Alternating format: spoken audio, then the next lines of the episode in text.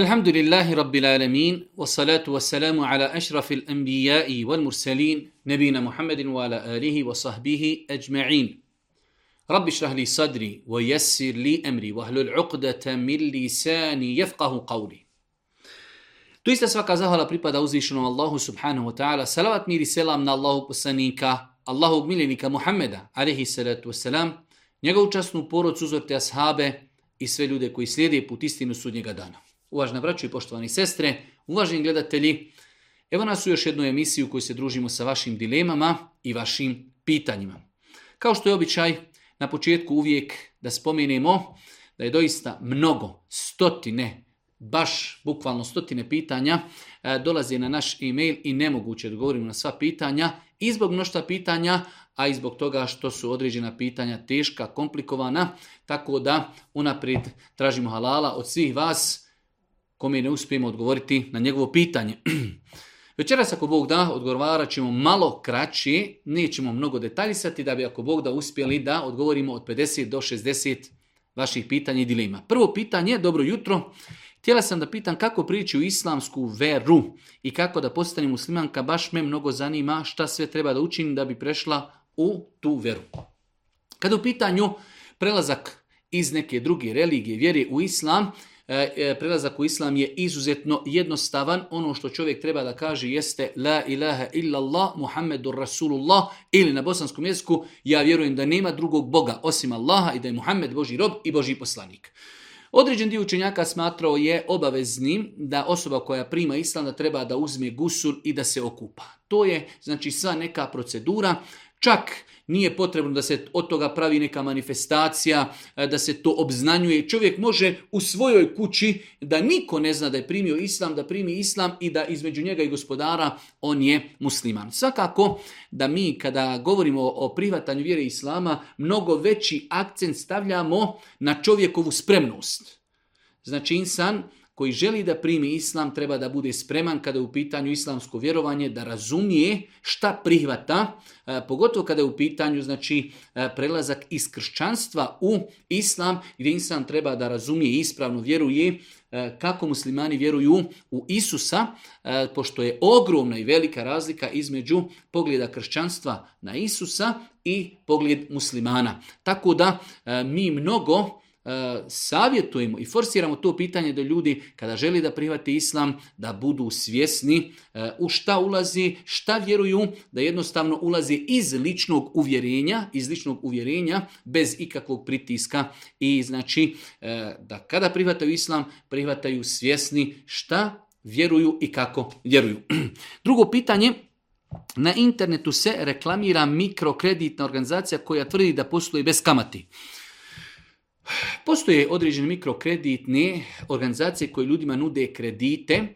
E, Allah najbolje zna ono što sam ja do sada uspio da vidim da ima tu sporni momenata.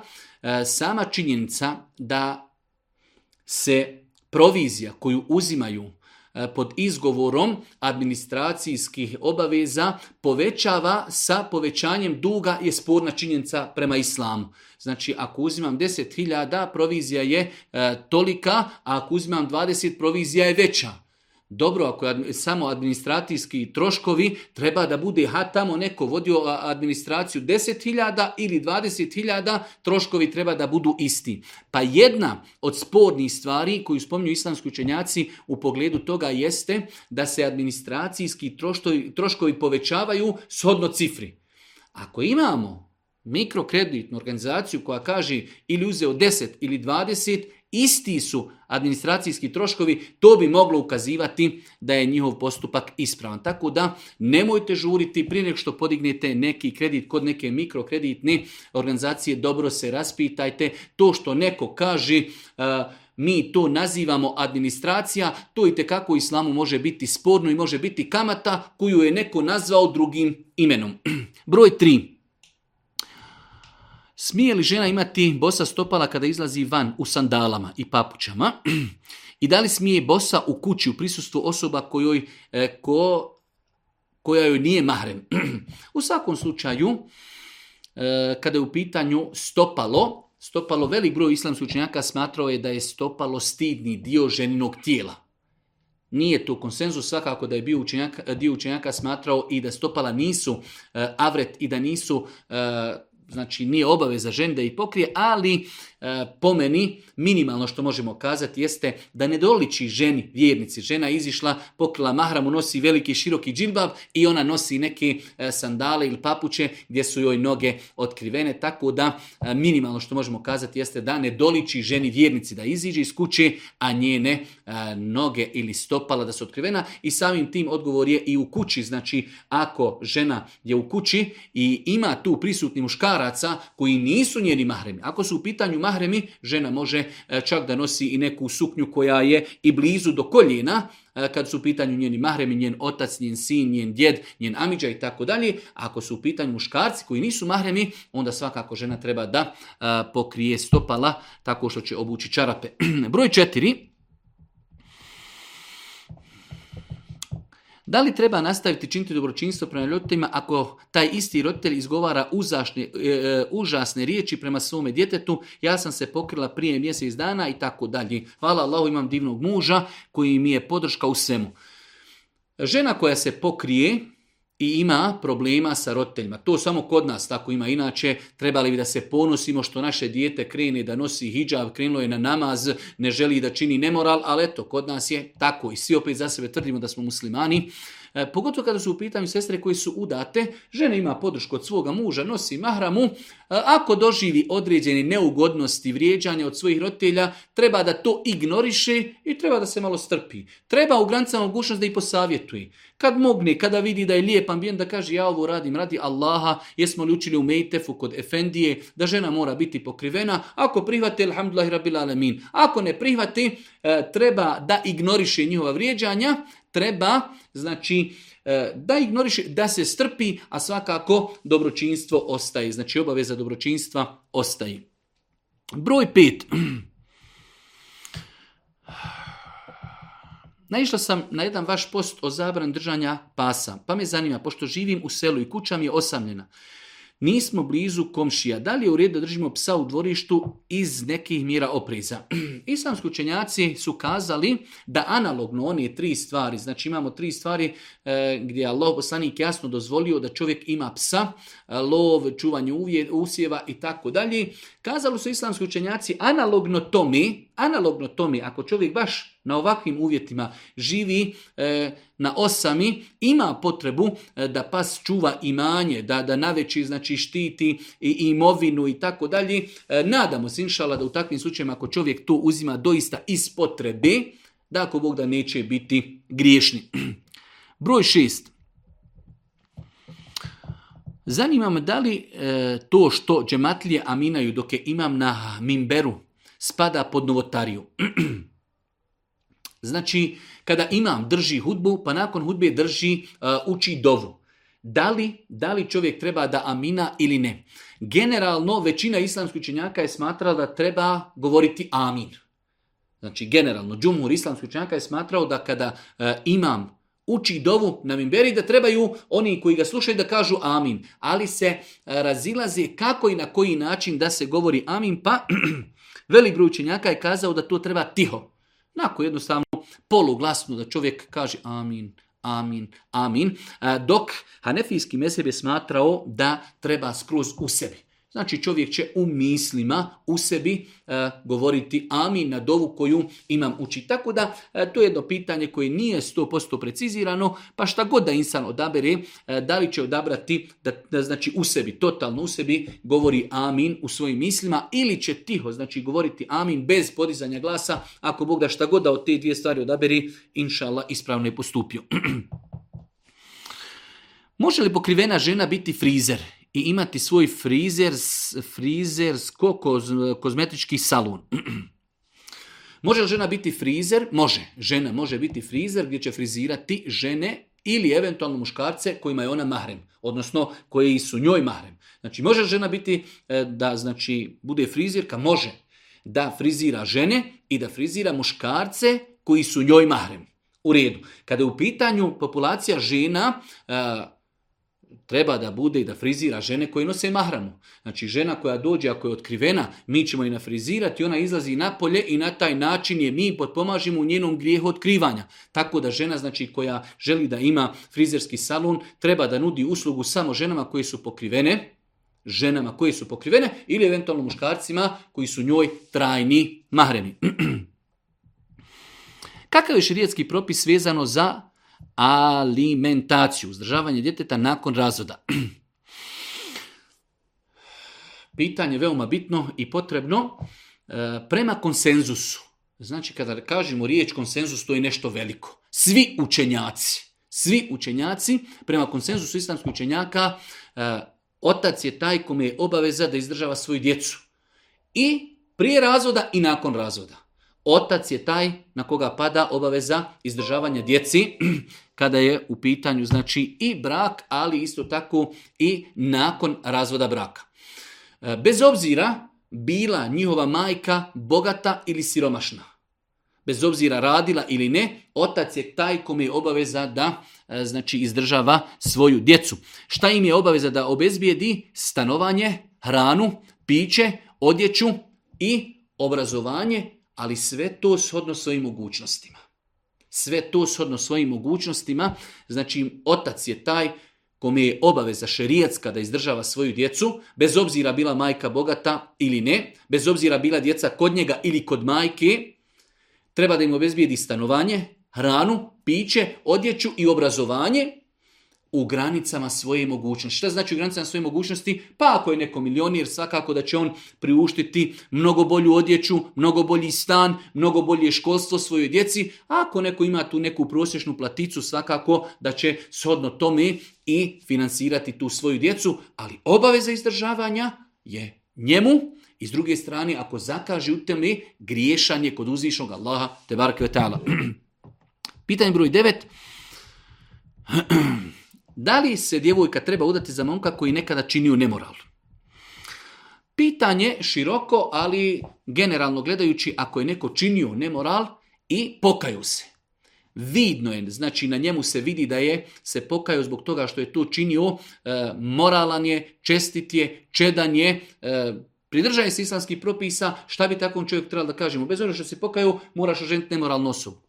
To je sigurno neispravno i greška, znači ako je neko počinio nekad nemoral i pokajao se, i to mi vidimo u njegovim postupcima, u njegovom životu, svakako da ima pravo da oženi moralnu djevojku obrnuto. Znači, djevojka ima pravo da se uda za čovjeka koji je nekada počinio nemoral, ali radio je to možda ili u neznanju, ili jednostavno e, šetan ga je zaveo. Nakon toga, ako vidimo da je se istinski pokajao, nadamo se, inša da nema u tome ništa sporno. Pitanje da li je muž griješan ako izaziva ženinu ljubomoru govoreći u društvu o drugoj ženi i drugoj curi i tako dalje. U svakom slučaju, da li je griješan, sad je to teška konstatacija, ali ne doliči. Ne doliči vjerniku da izaziva ljubomoru svoje supruge. Znači, insan treba da zna da je propis ako je u mogućnosti. Ako je u mogućnosti, da ima pravo da se oženi.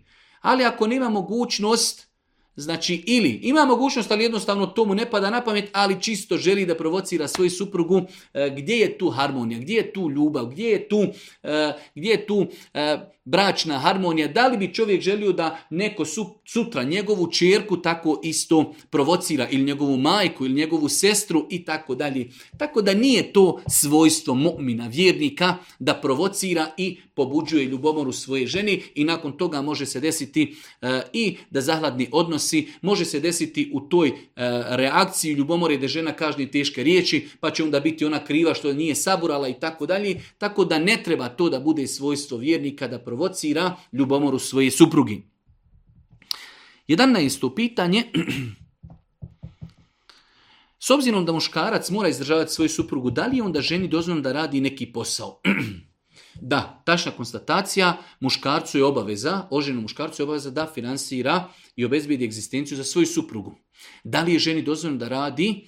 E, kazao su islamski učenjaci, osnove da žena treba da posveti se kući, djeci, svome mužu. Ali isto tako, ako ima potrebu, nekada jednostavno, pogotovo sada na zapadu, skoro pa je e, ogromna potreba da i žena radi. Tada će žena raditi u sa svojim mužem i radit će posao šerijetski dozvoljen i dopušten. Tako da, e, znači, e, vraćamo sve stvari na potrebu i s druge strane saglasnost muža i treća stvar da taj posao bude dopušteni halal. Ako se ispune ove stvari, nema smjetnje i da žena, ako Bog da, radi i privređuje. Svakako opet u granicama potrebe, e, svakako da ne smije dati prednost ničemu nad svojom djecom, niti nad kućom, niti nad pokornošću mužu.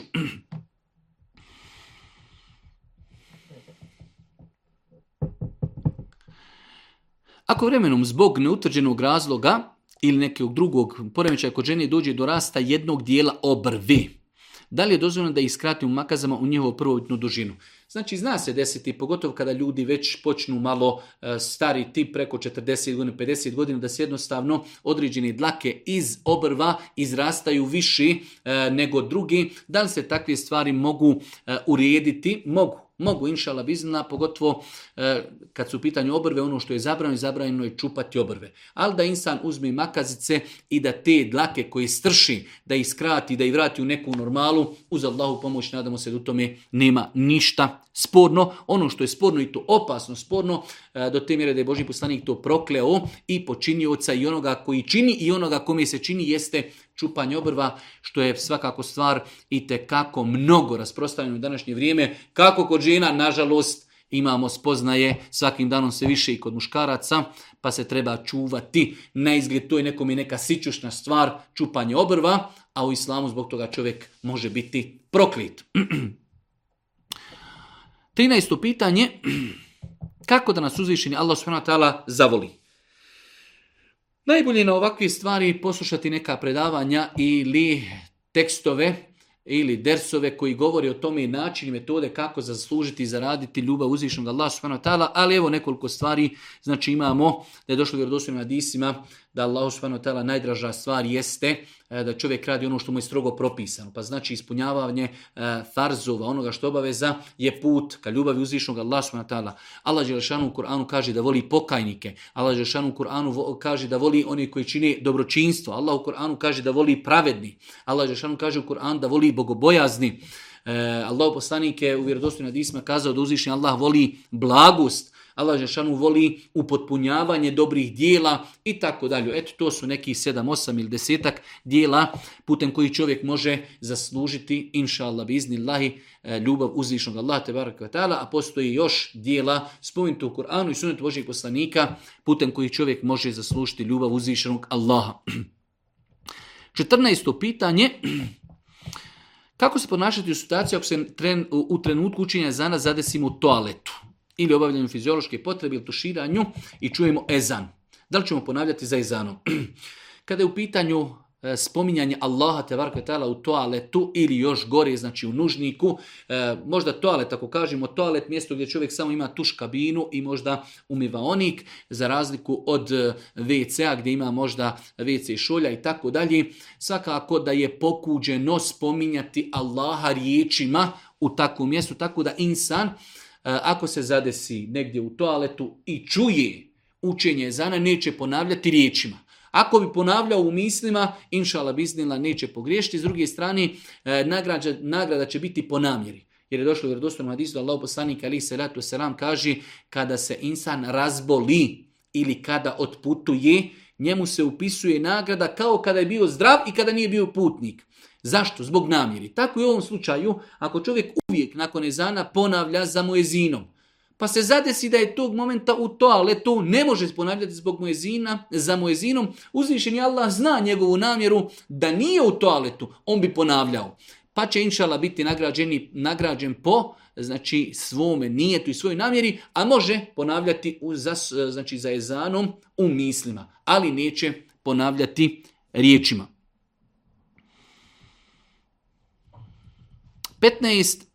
Imam djeda koji nije musliman, a ja klanjam pet namaza i onda tako dalje. Da li ja mogu pomoći e, cijepanje drva, kopanje bašte i svome djedu? Svakako. Znači, djed ostaje djed, ne može, čovjek koji primi islam, ne može se odreći svoje rodbini. On nije promijenio porijeklo, on je samo postao musliman, njegov otac ostaje otac, njegova majka ostaje majka, njegov djed ostaje djed, pa je obaveza biti na pomoći i u pomoći pomagati svome djedu u kućanskim poslovima, svemu onome što je dopušteno i dozvoljeno halal. I cijepati drva i otići u baštu i možda otići do prodavnici. Sve znači e, što je halal i dopušteno svakako da čovjek treba da ostane u kontaktu sa svojom rodbinom i da im čini dobročinstvo. E, pa čak šta možda više i kao vid e, davetski vid, misionarski pozivanje u islam da im predstavi vjeru islam na najljepši način da kaže to što sam primio islam, znači nije bilo razloga da vas ostavim, da vas zaboravim, ja nisam promijenio porijeklo, ja samo vjerujem Allah,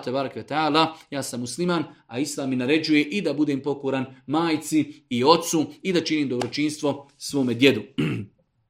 Pitanje broj 16. Je li dozvoljeno da nosim umjesto nikaba masku za koronu? Jer nisam mogućnost da nosim nikab kada izađem izvan kući i onda da li ispravno da se vidi obrve ako odlučiš da nosiš nipka koji pokriva t, t, t, i tako dalje. U svakom slučaju, e, pitanje nikaba je pitanje u pogledu kojeg islamski učenjaci imaju različite stavove.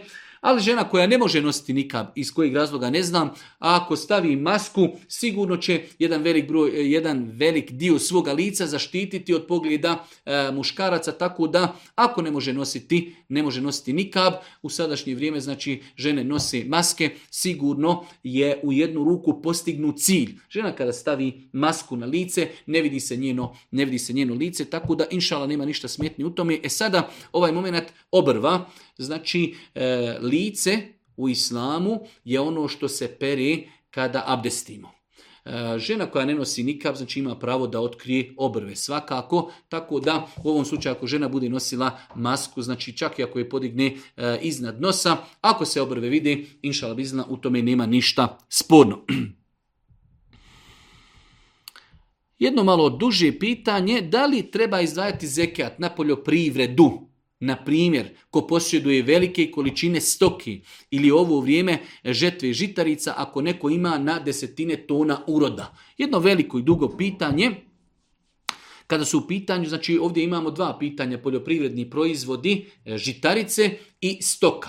O tome, znači imamo posebna poglavlja u fiku, ali evo kratko ćemo spomenuti e, kada je u pitanju stoka u islamu, imamo znači e, krave, ovce i deve, na njih se, na njih se daje zekjat.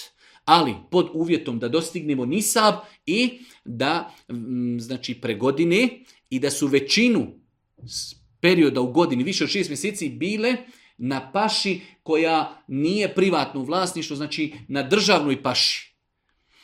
Ako se ispune ti uvjeti, e onda čekamo nisab. Pa primjer radi kad su u pitanju ovce, na 39 ovaca se ne daje zekijat. Kada dostignemo 40, moramo izdvojiti jednu. Pa od 40 do 120 je sve jedna ovca. Na 120 dajemo dvije ovce i tako kako se broj povećava, povećava se i obaveza zekijata. Ali znači imamo nisab, do 40 se ne daje ništa. Kada dođemo do 40 dajemo, dajemo jednu ovcu. Kada su u pitanju krave, E, do 30 krava, 29 krava ne mora se davati ništa. Kada imamo 30 krava, na 30 krava dajemo jednu junicu koja je napunila godinu dana, ušla u drugu godinu. Znači, ko ima 29 krava, ne mora davati zekijat. Ko ima 30 krava, daje na ime zekijata jednu junicu koja je napunila godinu dana, ušla u drugu godinu. E, svakako, devama ne moramo plavo detaljisati, ali... E, do pet deva se ne daje ništa, a kad imamo pet deva, onda od 5 do 9 se daje jedna ovca. To je kada u pitanju stoka. Kad su u pitanju poljoprivredni proizvodi, konkretno žitarice, pošto oko poljoprivredni proizvoda ima e, dugo, dugo razilažen kod islamskoj učenjaka na koje poljoprivredni proizvode se daje zekijat ili ne, ali kad su u pitanju žitarice, e, ako čovjek dostigne nisab, ako dostigne nisab, e, da će iz žitarica desetinu. Desetinu ako je, znači imamo opciju da je zaljevano kišom, tada se daje desetina. Ako je čovjek ulagao trud, mašine i zaljevao uslove, e, e, usjeve, onda će dati pola desetini, to jest dva desetina. Znači kada su u pitanju žitarice, ako dostignemo nisab, Znači dajemo, e, imamo dvije opcije. Ako nismo mi zaljevali vještački, već je sve zaljevano iz neba kišom, onda dajemo desetinu. Ako smo mi zaljevali vještački povoću, mašina, pomoću znači e, na različite načine, onda se daje pola desetine, a to je dva desetina. Doista je mnogo toga što bi se moglo kazati u pogledu ovih pitanja, ali evo nešto najosnovnije i najjednostavnije. što pitanje, da li kada žena uplati kurban, da li za nju važi pravila da ne šiša kosu, skraćuje nokte i tako dalje? Da, ako je ona vlasnik kurbana. Ako je ona vlasnik kurbana, na primjer, imate žena, e, ostala je bez muža i ona za porodcu kolje, ona kurban ili E, porodca, muž kolje kurban, kaže žena hoću i ja da koljem jedan kurban za sebe, znači u tom slučaju ne mora ona konkretno da ga ona zakolji, ali ona kaže uplatila sam i ja kurban od svoga novca, onda se i na nju odnosi da u oni prvi deset dana Zulhidžeta do Bajrama ne skraćuje kosu, ne skraćuje nokte i sve ono što je pojasnila Ulema, znači e, ovi propisi su vezani za vlasnika kurbana. Tako da ako žena za sebe kolje kurban, da, ako čovjek kolje kurban i samo jedan kurban za porodcu, onda samo čovjek treba da se pridržaje ovih spomenutih stvari, ostali članovi porodci, djeca, otac, majka ili supruga ne trebaju se pridržavati tih pravila ako sa njim zajedno potpadaju pod jedan kurban. Na koji način možemo sebi učiti rukju? Na koji način možemo sebi učiti rukju? E, rukju možemo učiti tako što ćemo e, proučiti u ruke nešto od Kur'ana, pljucnuti u ruke i potrati svoje tijelo. Tako je radio Boži poslanik ali se ratu sram prije spavanja. Tako da insan koji želi da sebi prouči rukiju, da se zaštiti i od džine, od četana, ili od e, uroka, znači proučiti nešto od Kur'ana u ruke, pljucnuti, ali znači bez pljuvake, samo znači zrak, i nakon toga potrati od svoga tijela koliko može. To je jedan način. Drugi način je čovjek stavi ruku na dio e, tijela koji ga boli i da uči Kur'an ili dove Božjih poslanika koji su prenesene da se uče kada je čovjek bolestan. Čak su islamski učenjaci dozvolili da čovjek nauči e, na vodu ili na hranu. Da uzme čovjek čašu vodi, uči Ajetul kursi 5, 7, 10 puta, prouči kulhu valla, kulhu uzrabi fela, kulhu uzrabi nas, fatihu i nakon toga tu vodu konzumira. Isto tako može na, je, na, na neku vrstu jela, pa čak i na ulje, na neku kremu koju čovjek konzumira, može uzeti čovjek maslinovo ulje, to ulje, proučiti što zna od Kur'ana, što više i nakon toga to ulje konzumirati. Tako da sve su to načini i metode kako čovjek može sam sebi učiti rukju i kažu islamski učenjaci najbolji, najprioritetniji čovjek uči sam sebi rukju i preventivno, znači da ga nešto ne zadesi, ali ako ga zadesi u neki problem, najiskreniji, najbolji da sam čovjek sebi uči rukju. Pitanje broj 20. Nešto sam načuo da se može spojiti jacija sa akšamom namazom kad nisi putnik ako rano ustaješ na posao. Generalno ovo nije tačno. Generalno nije tačno, znači da čovjek e, ako rani, svakako da mi svi ranimo, ustajemo na saba, e, znači da se spaja akšam jacija u takvim uvjetima, ne. E, akšam jacija ako čovjek nije musafir, ako nije musafir, može se spojiti u nekim vanrednim situacijama. E, kiša, bolest, vanredno stanje, znači jednostavno e, neke teške situacije koje se ne ponavljaju svakim danom. Može se desiti da čovjek, doktor, treba da operiši bolesnika i jednostavno e, operacija će trajati duže, pa mu kažemo spoji podne i kindiju zato što ako ne spojiš, proćete namasko vrijeme tako isto sa akšamom i jacijom ili eventualno e, znači velike su nepogode, poplave, bolest, žena krvari, u takvim situacijama se spoji akšam s jacijom ili podnije sa ikindijom, da, ali to nije nešto što se radi kontinuirano svakim danom. Da li će Allah oprostiti grijeh osobi koja je svjesno učini? Na primjer, zna da je blud grijeh i svjesno ga učini. Ili će oprostiti onima koji nije znao da je to grijeh. Jer ja sam znao da je nešto grije, a nažalost sam to radio i sada se kajim. Bez obzira kako čovjek uradio grijeh, ako se pokaje, mi se nadamo će Allah Žešanu prihvatiti njegovo pokajanje. Svakako da nije na istom nivou, neko je uradio grijeh, nije znao da je to grijeh i neko je znao da je to grijeh, ali je uradio. Ali ono što je nama bitno, Pojenta jeste da on odluči to više neće rati, da se pokaji, da ostavi to djelo koje je znači, uradio loše djelo. Ovo nikako nije odobravanje niti poziv da se čini grijehi, grijesi, ali mi govorimo o činjenci čovjek sada došao, kaže ja sam učinio grije, šta ću? Mogu li se pokajati? Ja sam znao da je tu grih. i radio sam ga svjesno. Mogu li se pokajati? Svakako se čovjek može pokajati da prestane odmah raditi grijeh, da odluči čvrsto, da se više nikada neće vratiti tom grihu, i da se pokaje zbog onoga što je radio. Nadamo se inša u takvoj situaciji da će Allah Žešanu primiti njegovu teubu i njegovo pokajanje. Broj 22. Da li je na svakom farz namazu, prvom rekiatu, poslije tekbira za imamom obvezno učiti subhaneke? Kako u džematu, tako i imamu. Nije. Kada u pitanju dova, početna dova subhaneke, to je jedna od dova koja se uči na početku poslije početnog tekbira, iako postoje i druge dove koje je Boži poslanik učio, sve te dove, bez obzira koje, su lijep i pohvalan čin. Ono što je u namazu nakon početnog tekbira obaveza, jeste učenje fatihi pa i bismila je uza, ali početna dova, znači subhaneke, znači nije obaveza. Tako da insan, e, kao što je došlo ovdje u pitanju, jer ja klanjam za imamom koji odmah nakon početnog tekbira počinje nama sa fatihom bez proučenog subhaneke. Znači subhaneke je pohvalno i lijepo proučiti. Ako imam, znači nakon početnog tekbira rekne uzbillah mi šetan rađim, bismillahirrahmanirrahim i uči fatihu, ako nije proučio subhaneke, njegov namaz je, njegov namaz je, ako Bog da, validan. Da li je imam obavezan da sačeka da džemat nakon fatihe izgovori amin, pa da tek onda počne učiti suru? Ne možemo kazati da je obavezan, ali je lijepo i pohvalno, makar i imam ne bi, ne bi od tog stava da se nakon fatihi izgovara amin, ali iz respekta prema drugim ljudima koji su tu, koji možda to prakticiraju, nema nikakve smetnje da imam kaže vele dolin i napravi pauzu, ljudi kažu amin i onda imam nastavi učiti iz respekta i poštovanja prema onim ljudima koji prakticiraju izgovaranje amin na kraju fatihi. da li kada klanjamo za imamom koji na trećem četvrtom rekiatu uči brzo fatihu, moramo proučiti Fatihu do kraja pa ići na ruku ili pratimo imama. Obavezno pratiti imama. Znači, u situacijama kada klanjamo za imamom, imam je naš predvoditelj. On nas predvodi. Zato je došlo da Boži poslanik kaže pa kada imam rekni semi Allahu limen hamide i vi za njim. Znači kada kaže Rabbena velike alhamd i vi za njim. Kada kaže Allahu ekber i vi Allahu ekber. Znači u takvim slučajevima bez obzira na trećem rekiatu došao sam elhamdulahi rabbil alamin arrahmanir rahim malke umidin. Tri ajeta. Imam kaže Allahu ekber idi na ruku. Šta ću?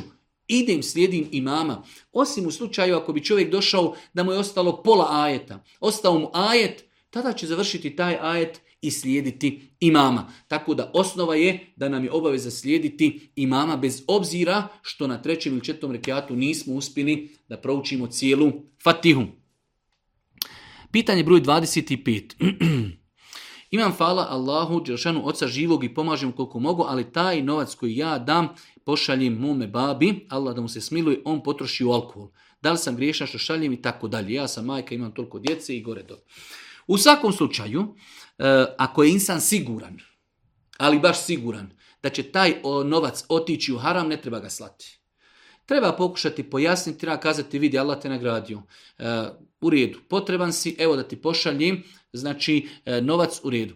Ali, ako sigurno zna da će to ići u kladioncu, da će to ići za duhan, da će to ići za alkoholno, kaj, izvini, ja ti ne mogu slati zato što je to po islamu haram. Možda će biti intervencije, možda će biti ljutnji, ne mogu te tome pomoći. E sad, ako insan ne zna, on onda čini dobročinstvo svome ocu, pošalje, pa znači šta on kupi. Ali ako bude siguran, sigurno zna da će to otići u haram, onda mu to neće slati. Svakako da će mu pokušati na lijep način pojasniti da ne želi učestvovati u haramu. Želim da te pomognem kao roditelja, želim da ti pomognem, da ti pošaljem hediju, novac, ali znajući ćeš ti to potrošiti u haram e, na, na neispravan način, nećemo ti to slati. da li vam poznat asha po imenu Dihje ibn Halife el-Kelbi, u čijem liku je dolazio e, Džibril alaihi salatu i u nastavku pitanja šta je to, zbog čega je Dihje zaslužio da Eh, Džibril alaih salatu wasalam dolazi u njegovom liku.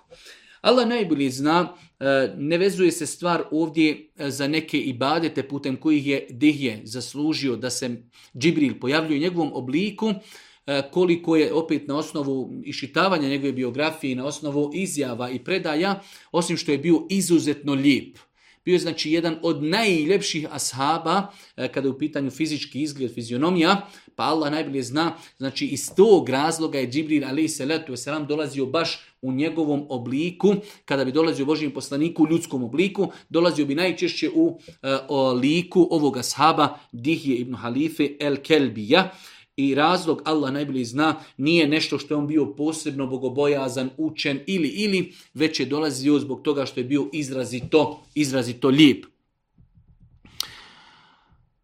Da li je prevedena na bosanski jezik knjiga El Bidajevo od ibn Kethira? Koliko mi je poznato da nije to jedno veliko historijsko dijelo eh, koje imam Ibn Kethir napisao, eh, znači iz historije, Preveden je, preveden je prvi dio tog dijela koji govori samo o poslanicima. Knjiga se zove, ja mislim, kazivanje vjerovjesnicima.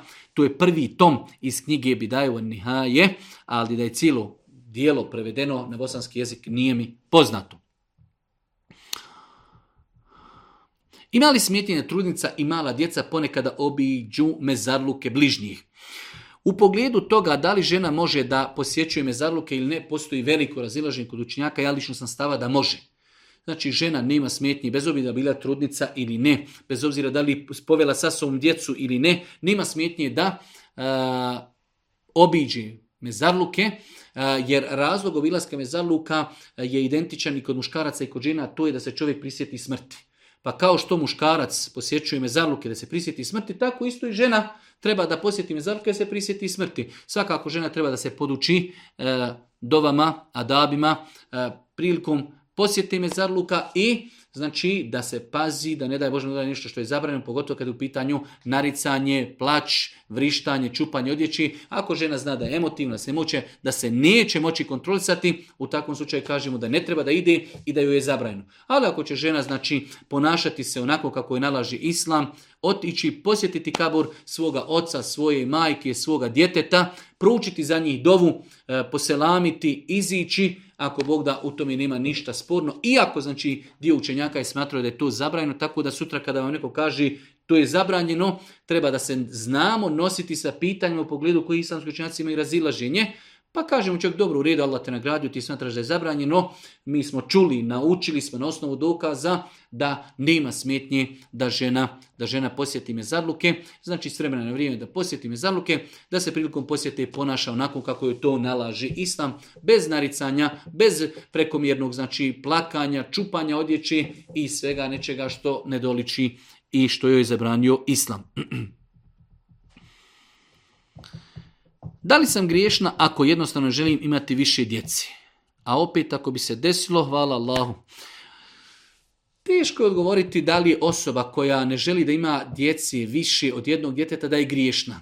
Ali je došlo u vjerodostojnim hadisima da Allah poslanik podstiče svoj umet na mnoštvo e, sljedbenika, na mnoštvo djeci, tako da e, vjernik bi trebao iz dunjalučkog aspekta i ahiretskog aspekta da ima više djeci. Svakako da se ljudi razlikuju u pogledu psihe, u pogledu zdravlja, u pogledu mogućnosti, e, sve se to treba uvažiti. Ne mogu svi ljudi imati desetero djece i ne mogu svi imati sedmero, petero i tako dalje, ali e, generalno jedno dijete je znači ispod svih nekih minimuma. Da čovjek kaže imam troje djece, četvero djece, petero djece, to je nešto, hajde da kažemo neki minimum jedne kuće muslimanski gdje čovjek želi da ta djeca budu odgojena u islamu, da ta djeca sutra dovi za njega, da koriste ummetu, da poduči ih namazu e, i znači mnogim korisnim stvarima. To je po meni neki minimum, ali imati samo jedno dijete, imati mogućnost zdravstvenu, o nafaki ne govorimo zato što je nafaka od uzvišnog Allaha te barak e, znači mislim da je bez obzira imati samo jedno dijete, da je to ispod granice nekog minimuma, ali kazati da insan griješan opet i to je teško.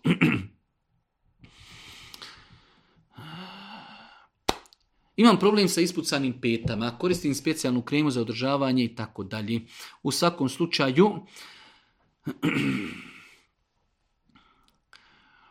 pitanje je kako, kako riješiti taj problem. Znači ono što mi možemo kazati jeste da insan kad su u pitanju te neke bolesti e, može u toku dana za saba abdestiti namazati nakon toga kremu i obući čarape i nakon toga u toku dana, u toku dana e, potirati po čarapama kako znači dodatnim pranjem nogu, kvašenjem pet puta dnevno ne bi e, povećao probleme E, probleme sa ispucanim petama. To je ono što, što insan može e, kao generalan propis da kaže. E sada opet, ako bi to bilo još više i još veći problemi, onda zato treba neka dodatna fetva, ali generalno ono što se može uraditi kao vid zaštite od e, znači od vode, jeste da insan na sabah ustane, da operi noge, nakon toga da ih lijepo posuši, da uzme tretman kreme koju stavlja, nakon toga da obuče dok je pod abdestom čarape i u toku dana da prilikom abdesta više ne E, neka noge, e, znači prilikom pranja da potire samo vlažnim rukama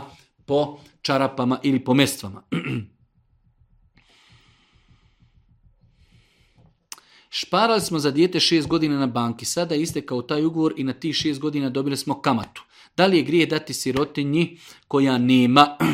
ono što je bitno, ako se desi, u osnovi čovjek ne treba da prihvata e, E, oročavanje novca u bankama. Znači, ako već čovjek ima potrebu da ostavi novac, onda će ga ostaviti samo da stoji. Ne privata nikakvo oročenje. Ali ako se već desilo, ono što je bitno da čovjek ne smije sebi uzeti te pare. Svakako neće ostaviti ni banci jer na taj način on pomaže bankovni e, kamatni sistem, već uzeti te pare, odvojiti znači milimetarski onoliko koliko e, je zna da su kamate i to će podijeliti u dobrotvorni svrhe. Može dati bijedi, može dati za puteve, može dati znači u izgradnju bolnice, u izgradnji nečije kuće i tako dalje. Ono što je bitno zapamtiti, ne smije i sebi uzeti, niti smije ostaviti banci. Ovo u slučaju ako je već došlo do novca, ali ako mi ostavljamo već unaprijed novac, onda treba da tražimo opciju gdje nećemo imati kamatu na taj novac.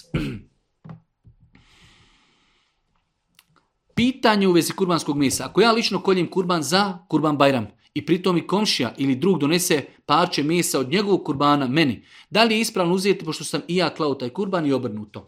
Jeste, to je kod nas praksa, inšal nema u tome ništa sporno, da ljudi, e, čovjek zaklao kurban, donesem ja tebi, doneseš ti meni. Ja lično sam stava da je bolje odrezati veće kurbane i odnijeti ljudima koji nisu klali. Mi znamo uvijek u komšiluku ko kolje kurban, ko ne kolje kurban. Zašto da odnesem ja tebi komadić, ti meni komadić, evo čisto samo zbog forme i čisto zbog hatora nekog. Bolje da odnesemo e, znači tri ili četiri kurbana zajedno, da održimo kilu mesa i da odnesemo nekom insanu koji stvarno bijeda i da ga počastimo. Ne, znači nekada u nekim selima, sela su malo veća, ljudi jednostavno moraju tu jednu ovcu koju zakolju znači to su više možda 100 grama mesa, manje ili više, ili neka žlipica, ili neka koščura, ili nešto, samo da svima odnesemo.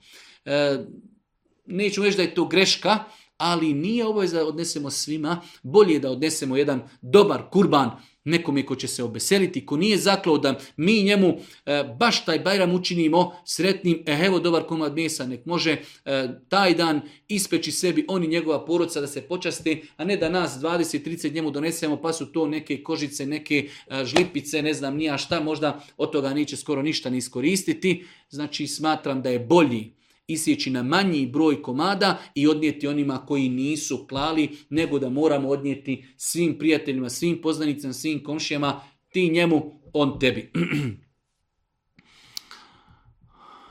Zanima me jedan detalj u vezi klanjanja namaza u džematu za imamom. Kada klanjamo i kindiju i podni namaz, dakle tihe namaze, šta mu tedje treba učiti za imamom? Obaveza je, kada klanjamo tihe namaze, na svakom rekatu pokušati učiti fatihu. Ako stignemo pružiti su fatihu, onda idemo učimo i suru. Ako ne stignemo, ali trebamo početi. Greška je da čovjek na podni, na ikindi, kao što je primjetno, Allahu ekver i čovjek stoji zatvoreno usta i razgleda, čeka e, kada će imam kazati Allahu ekver. U namazu nije propisana šutnja. U namazu ili mi učimo ili slušamo kirajet imama. Pa tako da, u namazima u kojima se uči tiho, podne i kindija, mi ćemo Allahu Ekber, Subhaneke, Uza, Bismillah i počnemo učiti Fatihu. Pa ako pročimo Fatihu, učimo suru. Ako nas u učenju Fatihe e, imam pozove Allahu Ekber, mi slijedimo imama. Ali na prvom, na drugom, na trećem, četvrtom rekiatu pokušati početi učiti Fatihu.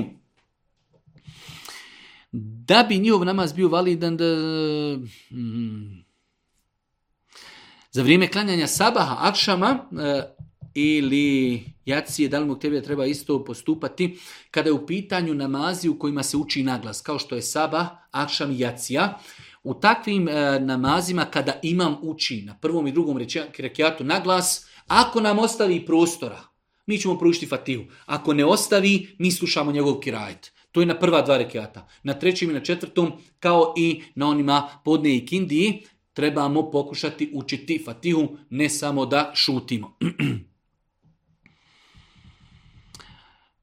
Selam alaikum, htjela sam da se posavjetujem s vama, imam 33 godine, zavolila sam momka koji je kršćanin i kao on mene i tako dalje. na kraju je pitanje, Da li je grijeh ako on privati islam samo zbog naše ljubavi? Znači, djevojka upoznala momka koji nije musliman i kroz razgovor ona mu kaže ja se ne mogu udati, ja sam vjernica i tako dalje. E, on kaže ako treba ja ću primiti islam samo da stupimo u brak. Pa je sada žena ima dilemu, pa dobro ako e, on uđe u islam samo zbog mene, Znači u ovakvim situacijama najbolji je otvoren razgovor. Da se kaže tom čovjeku, iako sad o tom ašikovanju, upoznavanju, to znači mi smo više puta pojasnili da e, nema u islamu nešto ašikovanje, upoznavanje, sjedinje i tako dalje, ali o tome i ne pričamo. Sada pričamo o propisu, imamo konkretan problem, čovjek hoće da primi islam. Naše je da mu pojasnimo propise vjeri da mu kažemo Islam poziva tome, robovanje Allahu isključivo, Islam gleda na Isusa da je to bio poslanik, da nije Boži sin, Muhammed Ali Selam posljednji poslanik, poslan cijelom čovečanstvu, Kur'an je objavljen od Allaha, derogirao je sve prijethodne e, poslanice, vjeruješ ti u ovo sve? Vjerujem. Ne možemo mi sad ući u njegovo srce i kada ne ti si primio islam samo da bi oženio djevojku. Nama je bitno da mu izložimo principe, postulate vjeri. Ako on kaže ja u to sve vjerujem, ja sam musliman, i uz to želim da se oženim sa tom djevojkom, nema u tome ako Bog da ništa sporno. Kakav je propis ako čovjek uči na pamet Kur'an, a ne zna arapski jezik? E, I da li da čovjek nastavlja hivzati, uči e, znači Kur'an ako ne zna arapski jezik? Nema u tome ništa sporno. Čovjek će biti nagrađen za učenje Kur'ana, makar ne, ne zna arapski jezik, ali znajući da je primarni cilj objavljivanja Kur'ana da se živi po Kur'anu, treba da čovjek zna tefsir, da zna prijevod, da zna ono što uči. Ali u granicama znači ljudske mogućnosti, ako čovjek ne zna arapski jezik, treba početi učiti lagano i arapski jezik, ali neće čekati da uči arapski jezik pa da počne hivzati Kur'an. Tako da nema smetnja čovjek uči Kur'an, makar i ne razumiju ono što uči, ali Treba da se potrudi da iščitava prijevod, da razumije ono što uči.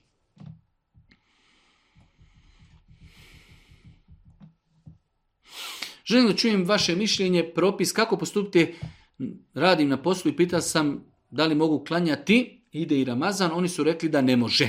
Šef nije za to. Kako se ponašati u situaciji kada pitamo da li možemo klanjati, on nam to ne dozvoli. Ponašati se tako što ćemo klanjati.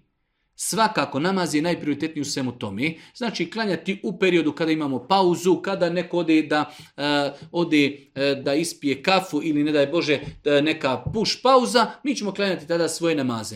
Ako to mogne proći, prošlo jest, ako ne može proći, Allah najbolje zna, onda treba mijenjati posao. Posao na kojim ne možemo klanjati namaz ne vrijedi kada bi znači zaradili milione, ne vrijedi da ostanemo na takvom poslu, tako da osoba treba da pokuša klanjati, to je njegovo i vjersko i dunjalučko i insansko pravo da znači odvoji pet minuta i da klanja da klanja namaz, ako mu to ne dozvoli, onda treba da pokuša tražiti drugi posao. Imam jedno pitanje vezano za rad u trgovinama, mišoviti robi kao što su e, Bingo, Lidl, Aldi, ne znam, nija sve tu. Naravno, tu se prodaje alkohol i svinjeta. Jesam li grešan ko radim tu i je li zarada mog novca halal ili haram?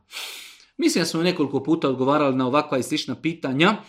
E, imamo dvije situacije, čovjek može raditi u ovakvim prodavnicama, pošto su to velike prodavnice, gdje nema dodira sa nekim stvarima koji su zabrane. Čovjek je na odjelu e, voća i povrća, čovjek je na odjelu higijeni, gdje nema ništa sporno i tako dalje. E, inšala, nadamo se u takvim situacijama da je insanu halal, halal zarada.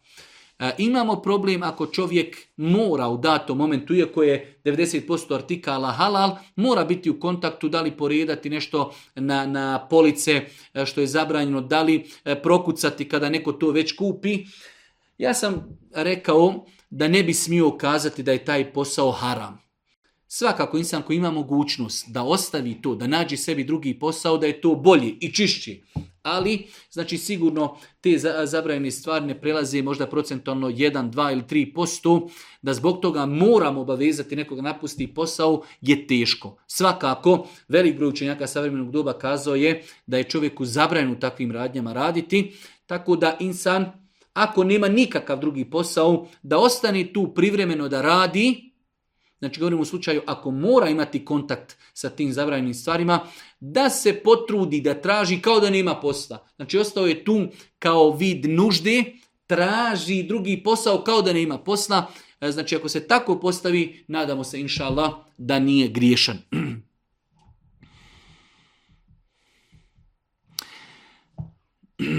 Kako je kod udati žena što se tiče dobročinstva prema njenim roditeljima? Ona najprvo mora da je poslušna mužu, ima obaveze prema njemu, prema djeci, kući i onda nema vremene za svoje roditelje.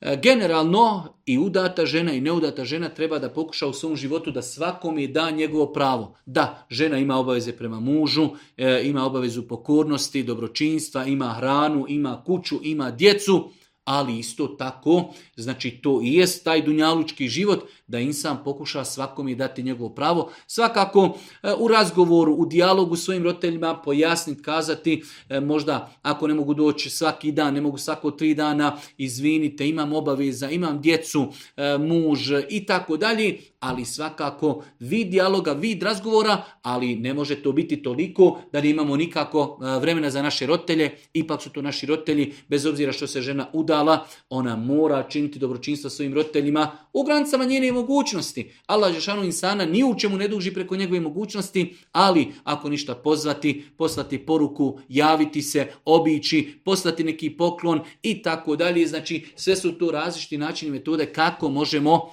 čuvati i pasti rodbinske veze sa svojim roditeljima. Da li muslimanima dozvoljeno kupiti bilo kakvu vrstu hrane na čijem pakovanju imaju likovi životinja? E, čokolada i tako dalje. Allah najbolje zna, ne vidim u tome ništa sporno da čovjek kupi halal proizvod, na ambalaži tog proizvoda ima neka slika. Nismo mi ti koji su postavili tu sliku, tako da e, ne vidim ništa sporno u tome da čovjek kupi bilo kakav artikal, da li je to čokolada, da li je to neki sok, znači ili nešto slično. Tome bitno je da je proizvod kao proizvod halal, to što na njegovoj ambalaži ima e, znači lik insana nije razlog da kažemo da taj e, proizvod ne smijemo kupovati. Da li je čovjek griješan ako sa svojom suprugom odluči negdje kupiti stan, a roditelji se ne slažu s time? Jer oni žele da im odrede gdje će živjeti i tako dalje. Generalno, čovjek treba da čini dobročinstvo svojim roditeljima. Ali e, u datom momentu nemoguće je ispoštovati dobročinstvo roditeljima i ono što je korist nama. Pa insan u datom momentu dolazi, e, da kažemo, na neku raskršće gdje ne može ispuniti ono što od njega roditelj traži. Nekada roditelji kažu djetetu nemoj ženti tu djevojku. Njemu se djevojka sviđa, on se sviđa djevojci e, i tako dalje. E, svakako smo kazali dobročinstvo treba činiti maksimalno koliko možemo, ali u mi što nama ne šteti. Zato su kazali islamski učenjaci, tri su uvjeta koja trebamo ispuniti da bi znači činili obaveznim e, dobročinstvo roditeljima. Prva stvar jeste da to bude i dopuštena stvar, da ono što oni traži od nas da je to plemenit cilj, da je to plemeni cilj i treća stvar da to ne šteti djetetu. Ako mi želimo da kupimo sebi stan, primjer radi u Sarajevu, zato što nam odgovara zbog školi, zbog posla, zbog budućnosti, roditelj žele da mi kupimo stan, ne znam, nija u Travniku, u Zavdovićima, u Maglaju, da budemo bliže njima, jednostavno to nama šteti. Mi živimo, možda želimo budućnost i tako dalje, tako da e, Trebamo činiti dobročinstvo, ali ne u onome što nama šteti, u onome što se oni nama miješaju u život. Ako nama roditelji kažu, vidi, nama smeta što ti ideš ove godine, ne znam, eh, u Mostar ili što ćeš ići u Tursku, a to je moja porodica, imam obavezu prema mužu, imam obavezu prema svojoj djeci, ali vas nagradio, vama neće ništa faliti, doću i kod vas, doniću vam eh, poklon, hediju, dobročinstvo, ali to je moja porodica. Tako da znači eh, dobročinstvo u granicama naše mogućnosti u onome što nama neće će štetiti. Zanima me kada imam daje selam, predaje selam. Je li treba sa njim zajedno ili da sačekamo dok on prvi pa nakon toga mi? Svakako. E, sve znači radnje u namazu, prvo radi imam, nakon toga to radimo i mi. Tako je pitanje i sa predavanjem selama. E, da, ima je Buhanife, rahmetullah, je smatrao da je sumne da se selam predaje zajedno sa imamom, za razgod njegove dvojice najvećih učenika, Eh, Ebu Jusva i Muhameda koji su smatrali da se namaz eh, selam predaje nakon što imam preda selam. Tako da eh, bilo je učenjaka koji su smatrali ko zajedno preda sa imamom selam namaz mu je pokvaren. Tako da je bolje i prioritetni svakako uz veliki respekt i poštovanje Ebu Hanife da insar sačeka kada imam preda selam eselamu alaikum wa rahmetullah eselamu alaikum tada ćemo mi nakon toga e, znači predati selam, jer naš odnos prema imamu je u pogledu namaza slijedženje. Ne prije njega, ne zajedno sa njim, ne kasniti, slijedženje. Kada on nešto rekni, kada on kaže Allahu Ekber, mi kažemo Allahu Ekber. I tako dalje, tako i u slučaju predavanja selama, kada imam preda selam, nakon toga ćemo i mi predati selam. Ne prije njega, ne zajedno sa njim, ne mnogo kasniti iza njega. Čitao sam da poslije abdesta treba klanjati dva rekiata. Je li mogu da spojim ta dva rekiata e, kada klanjam tehijetul mesčid? Prva stvar, tačna je konstatacija. Lijepo i pohvalno čovjek kada, klanja, e, kada e, abdesti, da nakon abdesta klanja dva rekeata. Znači imamo dosta argumenata koji potvrđuju E, čak je to bila radijallahu ta'ala naveo kao razlog zašto je u džennetu pretekao Božijeg poslanika. Kada je Božji poslanik ušao u džennet, čuje ispred sebe hod i e, kuckanje, klepetanje e, na nula, pa je pitao Bilala, otkud ti? Šta je to? Pa kaže, Allah najbolje zna, djelo za koje se nadam, zbog kojeg sam dobio ovu nagradu, jeste što nikada nisam abdestio, da nakon toga nisam klanjao dva rekiata. Tako da je pohvalno i lijepo da insan koji može stići, kada abdesti, da nakon toga klanja dva rekiata. E možemo li ta dva rekiata spojiti, e, znači bili smo kod kuće, krećemo ili smo u džamiju abdestani, abdestili, pa ulazimo u džamiju, klanjamo tehijetul mešći dva rekiata, možemo li za ista dva rekiata namjer učiniti i dva rekiata nakon abdesta? Može.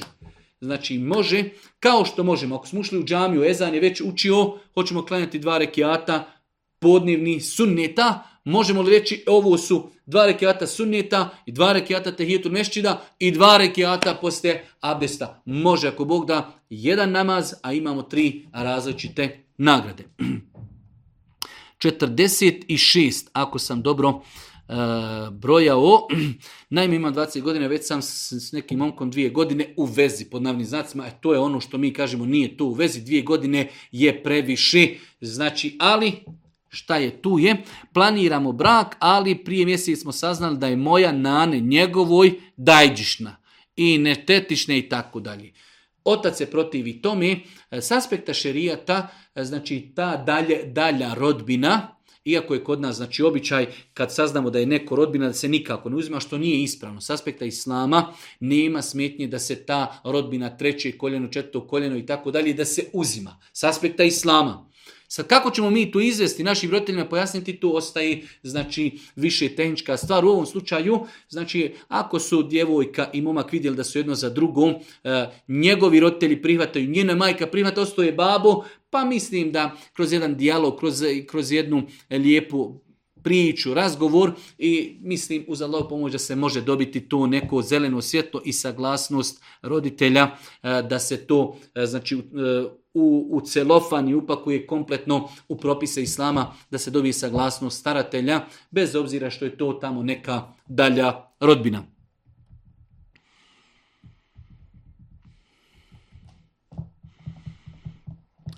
S obzirom da sam, hvala Allahu, trudnica još malo, e, pa bliži se kraj i pripremam se za porod i onda tako dobila je sestra, e, znači slikala je to, poslala je neke dove koji su je preporučili da se uče prilikom poroda. E, da li ima išta u tome sporno. E, ne mislim da postoje neke posebne dove koje treba učiti prilikom poroda. Mislim da smo čak jednom o tome i govorili. E, najbolje da insan kada ima određene posebne potrebe, to svojim riječima traži od gospodara. li teško da čovjek kaže rabi jesir vela to asir, gospodaru olakšaj, nemoj otežati, gospodaru olakšaj mi porod, gospodaru podari mi česti porod i tako dalje. Znači da čovjek svojim riječima u svojim dovama zavapi, zatraži, zamoli Allah Đelšanu da mu olakša ono što prestoji u ovom slučaju je to porod. Dugo pratim vašu strancu i zaista ste mnogo pomogli u nedoumicama. Pogledam sam mnogo videoklipova vezani za umrlu osobu. Pa nam onda postavlja se pitanje, e, kada je u možete li nešto više reći o djeci koja su umrla. Znači djeca koja umiru kao maloljetna, e, po konsenzusu islamskih učenjaka, muslimanska djeca koja umru kao maloljetna, ona su džennetlije. Maloljetna djeca, ali maloljetno određivanje po islamskim parametrima, e, djeca koja znači umru kao maloljetna su džennetlije. Samim tim e, nemamo mi više potrebu za njih da dovimo, jer ako su umrli maloljetni, znači nisu imali grijeha, oni će ako Bog da biti i džennetlije. neće ni njih zaobići taj stisak kaburski, jedan vid iskušenja kaburskog. E, Postoji različiti stavovi da li će djeca koja su umrla kao maloljetna biti tri ona pitanja im postavljena u kaburu. Jedan dio učenjaka je kazao da, jedni su rekli ne. U svakom slučaju ne trebamo se mnogo opterećavati, e, pogotovo u slučajima kada roditeljima dijete umre pa se roditelji ono opterećavaju, šao im tako dalje. Treba s jedne strane da budu optimistični, da kažu elhamdulillah, znači to je bio Allahov kader, Allahova sudbina, strpiti se na tome, znati Znači da su to djeca, ako Bog da, e, dženetlije, s druge strane postoji vjerodostojni hadisi da će djeca koja su umrla kao e, maloljetni, da će oni svoje roditelje uzeti za ruku ili za pupčanu vrpcu i da će ako Bog da uvesti u dženet. Tako da ne treba se čovjek opterećavati time e, kako im je, šta im je. Znamo ako Bog da, da su oni dženetlije.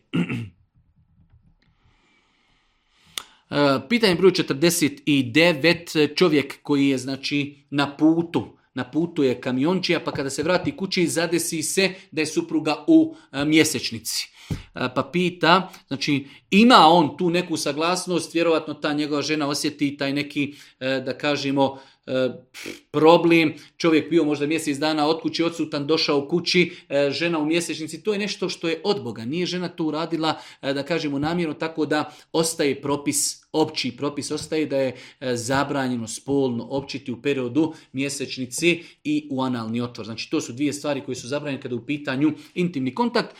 svaka. Tako e, muž i žena, pogotovo ljudi koji su duži u braku, e, znaju da putem naslađivanja i na različite druge načine mogu, ako Bog da, e, upotpuniti određen dio svojih intimnih potreba, tako dok znači žena je u mjesečnici, mogu se naslađivati međusobno, ali kad je u pitanju intimni kontakt, znači to je zabranjeno. Ja sam vozač kamiona, vozim noćnu smjenu.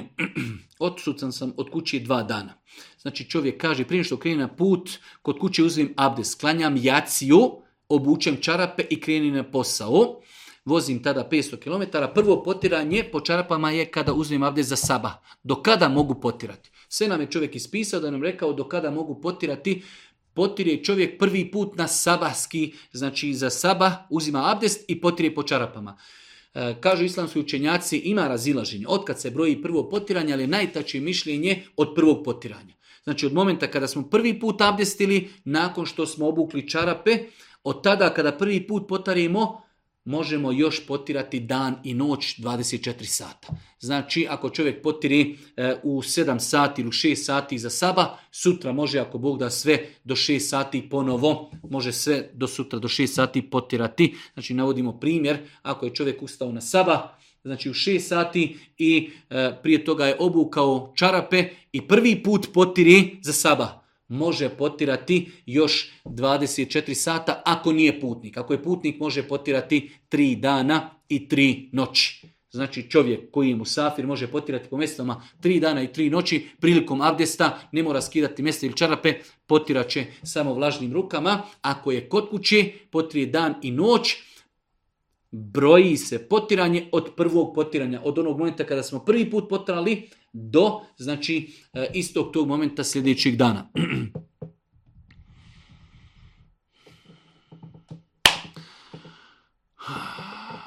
Radim u Hrvatskoj, bude mjesec i više, onda se vratim kući na par dana dok boravim u Hrvatskoj znam i svjesna sam da nas baš ne voli, zato mi stvara problem za namaz i tako dalje. U svakom slučaju osoba ne klanja zato što se boji nečije tuđe reakcije i tako dalje i naklanja namaze kada dođe kući u svoj stan. Neispravno je, znači rekli smo da insan treba, bez obzira da li se to nekom sviđalo ili ne, treba da nađe 5 ili 10 minuta na svom poslu i da otklanja ono što mu je obaveza podne i kindiju. Vjerovatno akšam jaciju može klanjati kod kuće i saba kod kući, ali je obaveza da insan klanja e, namaz u namaskom vremenu i e, ako bi se desilo da nekom radnom mjestu ne može redovno klanjati namaz, onda insan treba dati sve od sebe da što prije napusti takav posao i nađi sebi drugo radno mjesto. 53. Da li je potrebno pružiti ezan i kamet ako klanjamo sami? E, ovo je u pitanju muškarac. E, znači, ezan je pohvalno proučiti. Može se kazati kao vid obavezi ako bi bili u mjestu u kojim se ne uči nikako ezan. Znači, ako živimo lupam u Sarajevu i želimo da klanjamo, nismo bili u džematu, hoćemo da klanjamo namaz, onda nema potrebe učiti ezan kao vid obavezi. Ali možemo proučiti mi, znači u svojoj kući, ezan kao sunnet i pohvalnu stvar. Za razliku od mjesta, ako bil negdje gdje se nikako ezan nije oglasio, onda nam je, bez obzira što smo sami, jedan vid obaveze proučiti ezan. Kada u pitanju i kamet, pohvalno i lijepo da čovjek prije namaza prouči i kamet, ako ne prouči i kamet, njegov namaz je validan. 55. Kada zaspijem u namaskom vremenu, koje je već nastupilo, a nisam obavio namaz propisan u tom vremenu i onda nakon što se probudim već je nastupilo drugo namasko vrijeme. Kako postupiti? Osoba nastupila je namasko vrijeme i nije klanjala legla spavati i prespavala namasko, namasko vrijeme. E, ovo je već kritična situacija. Ako bi čovjek legao spavati prije nastupanja namaskog vremena i poduzeo sve navio alarm ili sat ili nekom rekao da ga probudi i prespavao, tada e, znači ćemo kazati kada se probudiš samo naklanjaj. Ali nastupilo namasko vrijeme, najbolje da čovjek odmah klanja prije što legne spavati. Ako je doista toliko umoran, onda će poduzeti sve faktore da ustani, znači prije isticanja namaskog vremena i da klanja namazu u namaskom vremenu. Znači, opet kažemo, obaveza je poduzeti sve faktore. Ne da čovjek legne i kaže, pa ako se probudim, probudim, ako ne probudim, znači prespavao sam. To je neispravan pogled na to pitanje, već čovjek treba da poduzme sve. Mnogo je veća obaveza kada smo legli spavati, a već je namasko vrijeme nastupilo. Najbolje je klanjati pa leći spavati.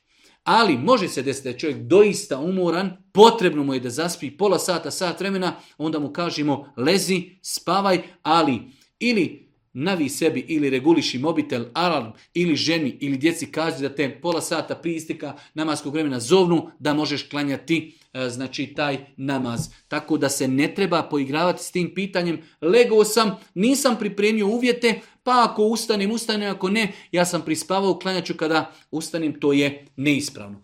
Ako se doista desi da smo poduzeli sve faktore i prespavali, tada ćemo klanjati kada se probudimo. Koliko je dozvoljeno biti vremena sa djevojkom prije nego stupimo u brak? Da li je to vremenski preciziran period? Nije vremenski preciziran period. Ne postoji samo da kažemo čovjek koji upoznaje djevojku treba da je upozna za 5 dana, 7, 10 ili tako dalje. Ali isto tako to ne smije prijeći i prerasti u ašikovanje. Da ljudi nako izlaze, idu na kolače, šetaju, pa dokad ne znamo. Hoćete li se ženiti? Pa ne, jeste li jedno za drugog? Ne znamo. Znači, e, ozbiljan razgovor, sve dok je ozbiljan razgovor i sve dok ima zatim potrebe. Iako generalno gledajući ona osoba koja ne može shvatiti da li je neko za njega iz 4, 5, 6, 7 nekih sjela za mjesec i po dva, takav insan i ne treba da se ženi. 100%. Znači, ne trebamo praviti od islama cirkus. Ne može čovjek kašikovati dvije godine kao eto nešto ispituje, istražuje i tako dalje. Ozbiljna djevojka i ozbiljan momak kad sjednu tri, četiri, pet puta ozbiljno porazgovaraju, oni vide jesu li fizički jedno za drugo, psihički, e, emotivno i u svakom drugom pogledu u tri, četiri, pet, šest, sedam nekih sjela, razgovora, ozbiljnih, konstruktivnih, oni znaju jesu li jedno za drugo. Nije to precizirano, ali isto tako da to ne prijeđi ni u kakvo ašikovanje i bespotrebno znači siljenje. 57. U kolima. Da li je u kolima lijepo autu držati tespih? I može li se u autu slušati učenje Kur'ana? U autu se svakako može slušati učenje Kur'ana i bolje da se uči Kur'an, ne daj Bože, a ne da bude muzika ili da se ušuti u autu. Bolje je staviti učenje Kur'ana. S druge strane, tespih E, ako se tespih stavlja kao ukras, nema ništa sporno, ali ja se bojim da to može veoma lako prerasti u hamajlju, u talisman. Stavio sam tespih kao mene tespih čuva od sudara, od nesreće, od, a, od radara i tako dalje, što može biti šerijetski, nije može, već je sigurno sporno. Znači, ako bi stavili tespih kao ukras, inša to nije ništa sporno, ali to treba izbjegavati jer Ljudi koji vide da mi nosimo tespi u autu ne znaju zbog čega smo mi to stavili, a, pogotovo ako bi se znači, u jednom društvu bio običaj da se tespi stavlja kao vid hamajlije, kao vid nešto čuva auto, tada je to zabranjeno. 58. E, za mene i neke moje babe treba objašnjenje u vezi u u utemeljenost i tako dalje u svemu tome. čajluci. Šta su u čajluci? U Čajluci to je termin koji je Allah najbolje zna e, donešen iz Turski u Bosnu. Opet Allah Žešanu najbolje zna. E, u Čajluci se odnosi na tri mjeseca koji dolaze jedan za drugim, a to su šaba, e, Ređep, Šaban i Ramazan. Ređep, pa Šaban, pa Ramazan. E sad, dio ljudi ta tri mjeseca zajedno naziva nastupili su u Čajluci. Ne postoji u islamu taj termin, niti postoji u islamu neki ibadet koji ova mjese, tri mjeseca vezuje istim ibadetom. Već ovi mjeseci svaki od njih ima svoje neke odlike, osobenosti. O e, Ređepu pogotovo su izmišljene mnoge lažne predaje, o Šabanu imaju vjerodostojne predaje, o Ramazanu imaju zasebne predaje, e, odvojene, ali nešto što se zove u Čajluci i nešto što zove ova tri mjeseca vezuje zajedničkim nekim ibadetima, to ne postoji. Ne postoji. Mi možemo u ovim svim, znači u e, Ređepu i Šabanu postiti ponedjeljak i četvrtak. Možemo povećati svoj broj posta i tako dalje. Ali je to možemo tokom cijele godine. Ne postoji poseban ibadet koji vezuje ova tri mjeseca da je specifična nagrada samo za te mjesece. Znači to u islamu ne postoji. Svi ibadet koji radimo mimo ovih mjeseci mogu se raditi i u ovim mjesecima. Nadam se da smo tu razumjeli. 59. Jedno pitanje, kako će čovjek postupiti u džamiju kada uđe i zatekne da neko klanja sam? Da li će se priključiti takvom čovjeku ili ne? Odnosno, pitanje na kraju, da li smeta to što možda on klanja sunnete, mi stali klanjati uz njega farze? Ne smeta. Da li ćemo se mi priključiti tom čovjeku ili ne, to je sad vid, eh, eh, što bi rekao, pitanje procjene, ali u islamu može se desiti neko klanja sunnete i mi pored njega klanjamo i mi klanjamo farze. To što on klanja sunnete, a mi klanjamo farze, nema nikakve znači e, smetnje u islamu. Njegov namaz je validan, naš namaz je validan. Imamo znači verziju u islamu da čovjek klanja sunnete i za njim drugi čovjek u džematu klanja sunnete. Imamo verziju da čovjek klanja farze i za njim čovjek klanja farze. Imamo opciju, čovjek klanja sunnete kao imam, a za njim ljudi klanjaju farze kao što je Muaz ibn Džebel radio, hadisu Buhari muslimu, klanjao bi s poslanikom jaciju, farze. Pa bi došao svom narodu u svoje selo, pa bi klanjao njima jaciju. Njemu bi ta jacija bila na fila. Oni za njega klanjaju farze. I imamo obrnuto da čovjek klanja farze, a iza njega ljudi klanjaju e, sunnete. Sve četiri su opcije po islamu dozvoljene. Tako da kada uđemo nekad u džamiju, pogotovo e, u džamijama e, gdje je protok znači nekada na benzinskoj pumpi ili negdje drugo gdje ljudi znaju te propise, kod nas ljudi to slabo poznaju. U arapskom svijetu, znači, neko klanja u mešću drugi stane pored njega, klanja niko, nikog ne pije, se klanju sunete si farze, jel akšam, jel niko ništa ne pita. Priključi se, klanja, ovaj koliko klanja, ovaj ustani, naklanja svoj dio i to je to. E, ono što je rezime, e, nije uvjet za validnost namaza da je naša namjera i namjera onog koji klanja e, uz nas ista. Možemo klanjati, znači imamo opciju E, da čovjek klanja sunnete, e, da uz njega se klanjaju sunnete. Da on klanja sunnete, da se uz njega klanjaju farzi. Da on klanja farze, da mi uz njega klanjamo sunnete i da on klanja znači farze i mi klanjamo uz njega farze. Sve četiri opcije su u islamu dozvoljene. Pitanje malo čudno, ali eto, imamo i čudnih pitanja. Da li ima smetnje ako znamo naravno da se učenje, e, da se učenje Kur'ana, recimo dok se radi na poslu, sluša preko slušalica, pošto znamo zašto su slušalce primarno napravljene. Ima li smetnje slušati na slušalce učenje Kur'ana na poslu, jer znamo zašto su slušalce napravljene. Niti ima smetnje dok radimo na poslu slušati Kur'an, niti ima problem što to slušamo na slušalce. Napravio je njih neki kinez ili japana da se na njima sluša muzika, mi ne slušamo muziku, mi slušamo, mi slušamo, elhamdla, učenje Kur'ana.